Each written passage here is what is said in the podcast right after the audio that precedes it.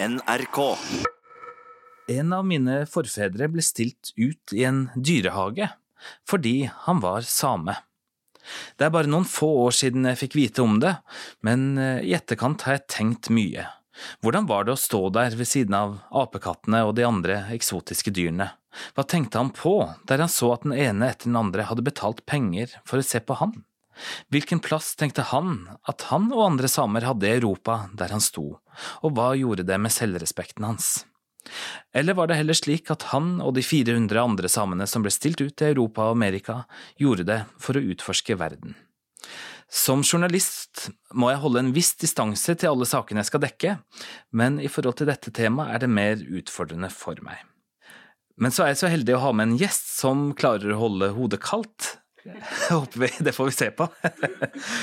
Katrine Vaglo, du har skrevet en doktorgradsoppgave om utstilling av samer, du har skrevet bok og flere vitenskapelige artikler, og du har laget en utstilling om det samme temaet. Og nå skal du jobbe i Sannhetskommisjonen, der du skal utrede hvordan fornorskningspolitikken og den urett som har blitt eh, begått overfor samer, kvenner og norskfinner, har utarta seg. Kan du eh, roe meg ned og, og nyansere det bildet som, som, jeg ga i begynnelsen? Hvordan skal vi forstå hele fenomenet her? Ja, først må jeg jo si det at uh, man, kan jo ikke, man klarer jo ikke å holde hodet kaldt. Det klarer du ikke jeg heller i løpet av denne lange, lange prosessen. Og jeg var jo, uh, uten sammenheng kanskje for øvrig, men jeg var liksom gravid mer eller mindre hele tida mens jeg skrev den her, så jeg hadde liksom ikke noe filter og tok alt inn kunne jo sitte og skrike på kontoret når det er ting du finner ut, ikke sant, fordi at det er, det er veldig mye um, trasig i det her materialet òg, da. Men heldigvis uh, så ble ikke denne avhandlinga skrevet på normert tid, så jeg hadde liksom tida til å jeg vil ikke si at jeg knadde materialet, for det var materialet som knadde meg. på en måte, De her tingene, de her historiene som jeg fant ut, de, de virka på meg. Og jeg fant også ut jeg måtte, liksom, jeg måtte ligge lågt i terrenget nettopp fordi at det, det var en eh, forferdelig historie, egentlig, i utgangspunktet. ikke sant? Men så begynte jeg å se på dem, og se på hva de her utstillingene handla om. Og da så fant jeg ut at det handla så Eller det handla ikke bare om de her utstilte folkene ved sida av eh, elefanter og apekatter. Det handla om alle gjenstandene som de hadde med seg, det handla om denne boplassen som de rekonstruerte, det handla om at de fikk sydd nye kofter, det ble laga nye sko. Alt det her hadde de med seg for å skape et bilde, for å vise fram hvordan de levde livet sitt i um, sameland, for å, bruke det, å bruke det begrepet som har vært brukt i mange sammenhenger. Og det tenker jeg òg er viktig å ha med seg i forhold til hva som har vært drivkrafta for slektningene dine, f.eks. Det, det er viktig å tenke på hva slags periode de her utstillingene uh, fant sted innafor. Deres uh, kultur hadde ikke særlig høy status i uh, i Norge eller Sverige, eller hvor den kom fra. Og eh, i denne sammenhengen så, så, kom de til en plass hvor, hvor, hvor, folk var nysgjerrig på deres kultur og på deres levemåte. Og det liksom å gjenskape denne levemåten, det, er det som har vært det viktige i disse utstillingene. Ikke det at de har sett rar ut eller sett eh, fremmed ut, eller at det har vært en annen rase og alt det der. Men det har, men det har vært der, det òg. Men det har ikke Jeg har prøvd liksom å plukka de her tingene fra hverandre. Da. Og det at det foregår i en dyrehage, det, det er det òg en del praktiske og tilfeldige ting som ligger til grunn for det. Fordi at han som uh, gjør at de her utstillingene blir veldig uh, stor i Europa. Det er en som heter Carl Hagenbeck. Han er kjent for å være den grunnleggeren av den moderne dyrehagen. fordi dyrene blir ikke utstilt i bur, men de blir utstilt i gjenskapte miljøer. Og så er det, er det da en, en, av hans agenter som um, foreslår at når han, for de skal reise til Tromsø for å hente reinsdyr til å distribuere til, til de andre dyrehagene i Europa, så sier han at hadde ikke vært utrolig spennende om du i tillegg til de her reinsdyrene fikk en hel uh, samisk familie nedover med alt sitt husutstyr og hunder og alt, for å, for å vise hvordan samene lever sitt nomadiske liv. Så det er på en måte uh, reinsdyrene som i utgangspunktet, og sånn var det med anna utstilling i 1822 i London. Det er liksom reinsdyrene som faktisk er hovedfokuset, da. Det er vanskelig å forstå, fordi at eh, moderne antropologi og alt det er liksom ikke det er ting som er i emning, ikke sant, og det her at mennesket står i sentrum for kunnskapen og alt det her. sånn at, eh, Så det er litt viktig å huske på at det var ei anna tid Mm. Opplever du at det var en ektefølt nysgjerrighet? Ja, det tror jeg, og det tror jeg av mange av de her utstillerne. Si for eksempel Hagenbeck.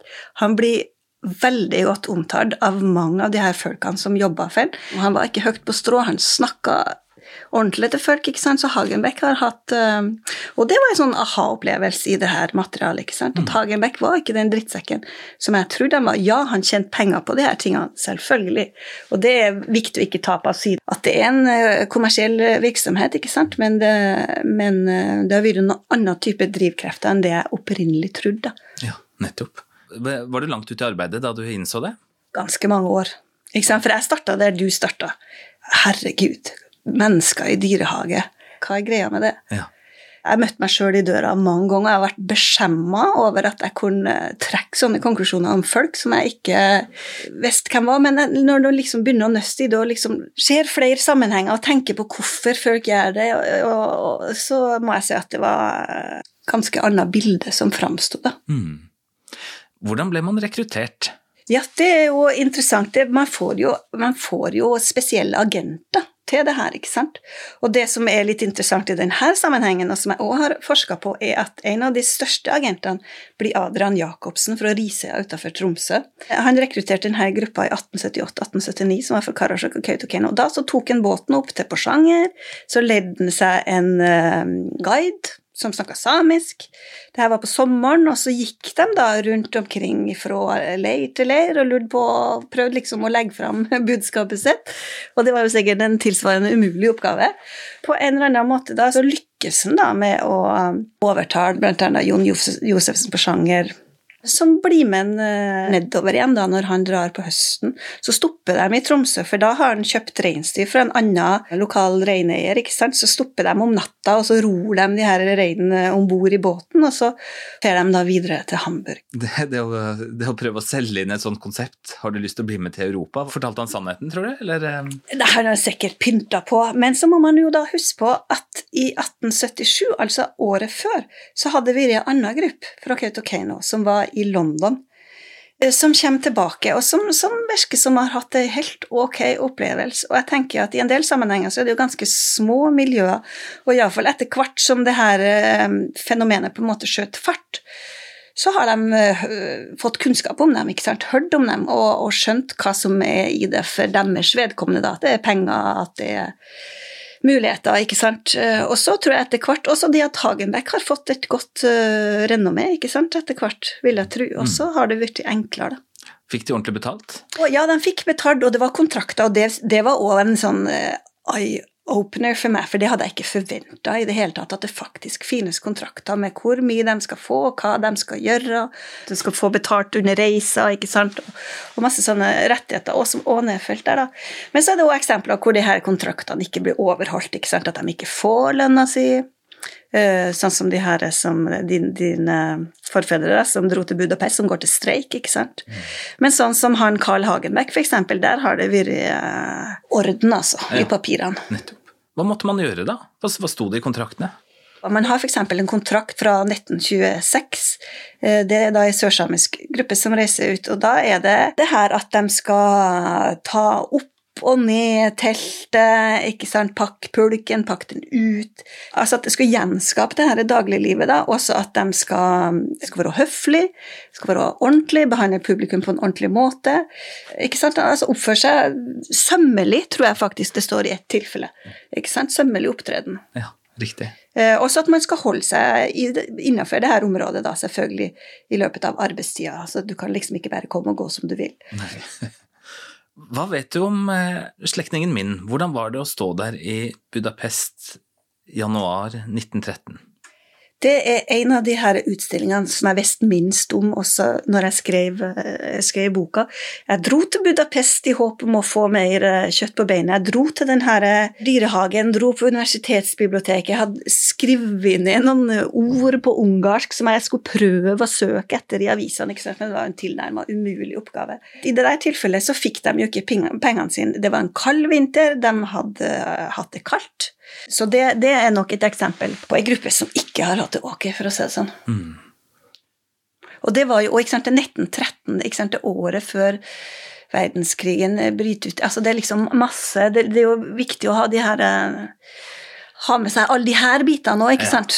Og Ungarn, som hadde en sentral posisjon sånn sett, Ikke sant? sentralt i Europa. Ja. Men ok, de fikk ikke betalt, og det var kaldt, og det er mange måneders reise hjemmefra. Mm, og han impresarioen, han stakk av, ikke sant, så de var overlatt til seg sjøl. Og det har man jo noen eksempler på. Så da var det det norske konsulatet, da, det er blant annet en som heter Grenersen, som hjelper dem, da, sånn at eh, de kommer seg hjem, rett og slett, ikke sant. De som var i Budapest, gikk til streik. De gikk til streik. Hva skjedde, og hvordan gikk streiken? Nei, altså det var jo, igjen så, så vet jeg ikke så veldig mye om det, men avisa Svenske Dagbladet skriver om det, og de skriver at de eh, går til streik. Så jeg ser jo for meg at de har ikke fått eh, pengene sine. Impresarioen stakk av til jeg tror det står at han stakk av til Berlin, så de har da antagelig bare nekta. I noen situasjoner så bodde folk i de her, på de her boplassene som ble gjenskapt i dyrehagene andre plasser. Andre, andre sammenhenger så har de bodd på hotell eller eh, hatt annen type losji, så om de da har på en måte har ja, bare nekta å komme ut, eller ikke at publikum får komme inn, det, det, det vet jeg ikke, men eh, de gikk altså til streik. Det var liksom ikke aktuelt å komme og se noe som helst samisk utstilling så lenge de fikk pengene sine, selvfølgelig. Og, og streikevåpenet funka? Ja, det gjorde jo det. I en sånn type virksomhet så er det jo helt avhengig av at dem du skal vise fram levemåten til, at de samarbeider med deg. Jo større vil- velvilje, jo bedre show, rett og slett. ikke sant? Hvis du har folk som går der og surmuler, for eksempel, ikke sant? så gir jo heller ikke det noe godt bilde. Og det har Hagenbeck vært god til, ikke sant? Han har arrangert julefeiring for de her folkene sine. ikke sant? De, han hadde egen kokk for dem. Så han har skjønt det at du må gi for å, for å kunne ta. Da. Hvordan opplevde de det sjøl, vet vi noe om det? Altså, I forhold til verdighet, for eksempel. Det å stå dag ut og dag inn, og så ser du at det kommer folk inn som har betalt penger for å se på deg. Men Vet vi noe om hvordan de reflekterte rundt det? Det finnes det en god del eh, opplysninger om, og det er òg et ganske sånn blanda bilde. Altså, til en viss grad så kan man jo forestille seg sjøl, med alle de her folkene. Så tett på at det måtte ha vært påkjenning, og det, det skriver, der er det en, igjen en inuitt, Abraham Ulrikab heter han fra um, eh, Labrador. Og han skriver om det her, ikke sant, og hvordan de liksom kikker inn vinduene. De har jo bygd et hus, da, ikke sant, i den her eh, dyrehagen til Hagenbeck, og det er folk på dem hele tida. Og de klarer ikke å stoppe det. Situasjonen er helt ute av kontroll. Jacobsen prøver å hjelpe dem, men de klarer ikke, så jeg tror han tar ei år eller et eller annet av kajakken og må liksom tru dem.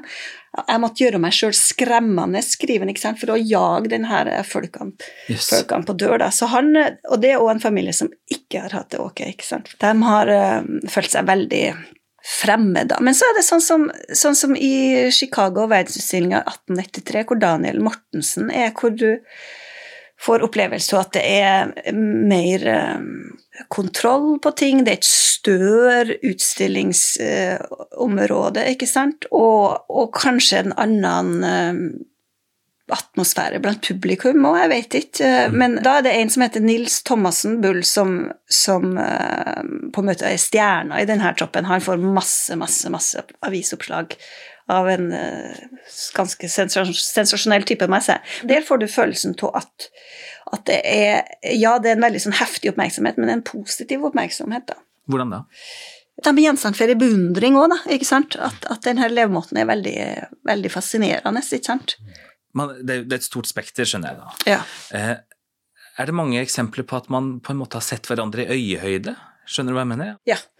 Det var òg noe som tok tid, fordi man har hatt veldig sånn forståelse av at dem som har vært utstilt, har vært her, og så har liksom tilskueren eller observatøren vært der, på andre sida av gjerdet, gjerdet, ikke sant, og liksom bare sett på de her rare, rare folkene.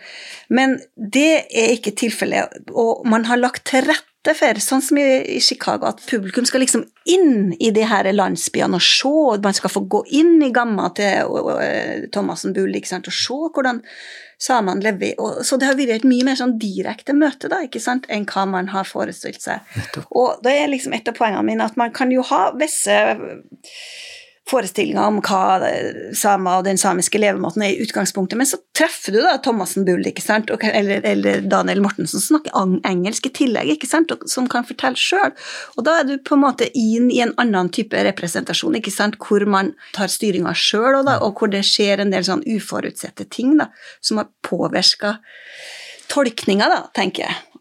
Og da har man kanskje også vært ambassadører, da? Ja, det tror jeg absolutt.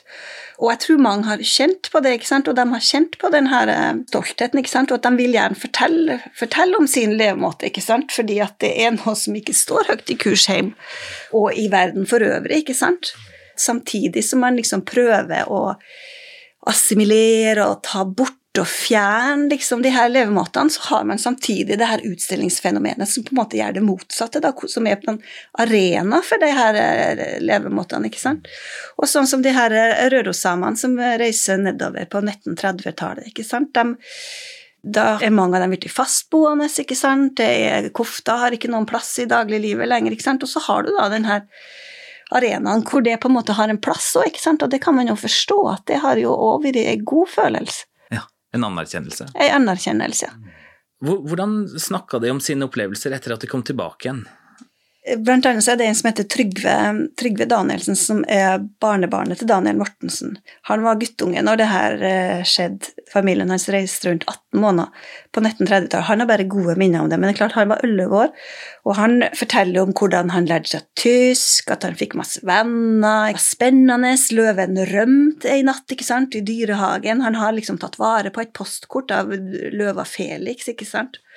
Og han har skrevet ned sine, det han husker på fra denne reisa. Da. Det fortellinga har familien tatt vare på. Odd Mattis Hetta har jo intervjua sin onkel og sin far. De reiste òg rundt i Tyskland på 1930-tallet. De har òg gode opplevelser. Mm. Igjen skjer det tragiske ting. Det er en av dem som dør av tuberkulose. men det har jo ikke nødvendigvis noen sammenheng med utstillinga som sådan. Det var en periode hvor tuberkulose tok mange liv, ikke bare samiske liv. Så det er et ganske sånn sammensatt bilde, da. Ja. Du er jo kulturviter, men nå skal jeg bruke deg litt som psykolog. Ja. Har du et råd til å gi til oss, og kanskje andre, som, som syns det er litt sånn tungt? Ja, jeg skjønner jo at folk ikke vil snakke om det her. Iallfall så lenge forståelsen av det her fenomenet er på den måten som det er, så er det ingen som vil snakke om det her. Men jeg har tenkt at, at her må man jo bare la historien gå sin gang, på en måte, og ta den til hjelp. Jeg kan fortsette å skrive om det her, prøve å nyansere, ikke sant? Og det må gå an å ha to tanker i, i hodet på samme tid. Ja, de her tingene foregikk på denne måten, og det er klart det var problematisk, men det var andre ting òg. Mm. Sant? Ja, så hent inn kunnskap. Ja. Rett og slett. Hent inn kunnskap. For bildet er nyansert. Ja. Hvordan syns du vi bør balansere det med å liksom være eksotisk, altså noe som man betrakter på avstand, med å være mer en sånn dialogrolle, da? Altså fra et samisk synspunkt? Ja. Godt spørsmål.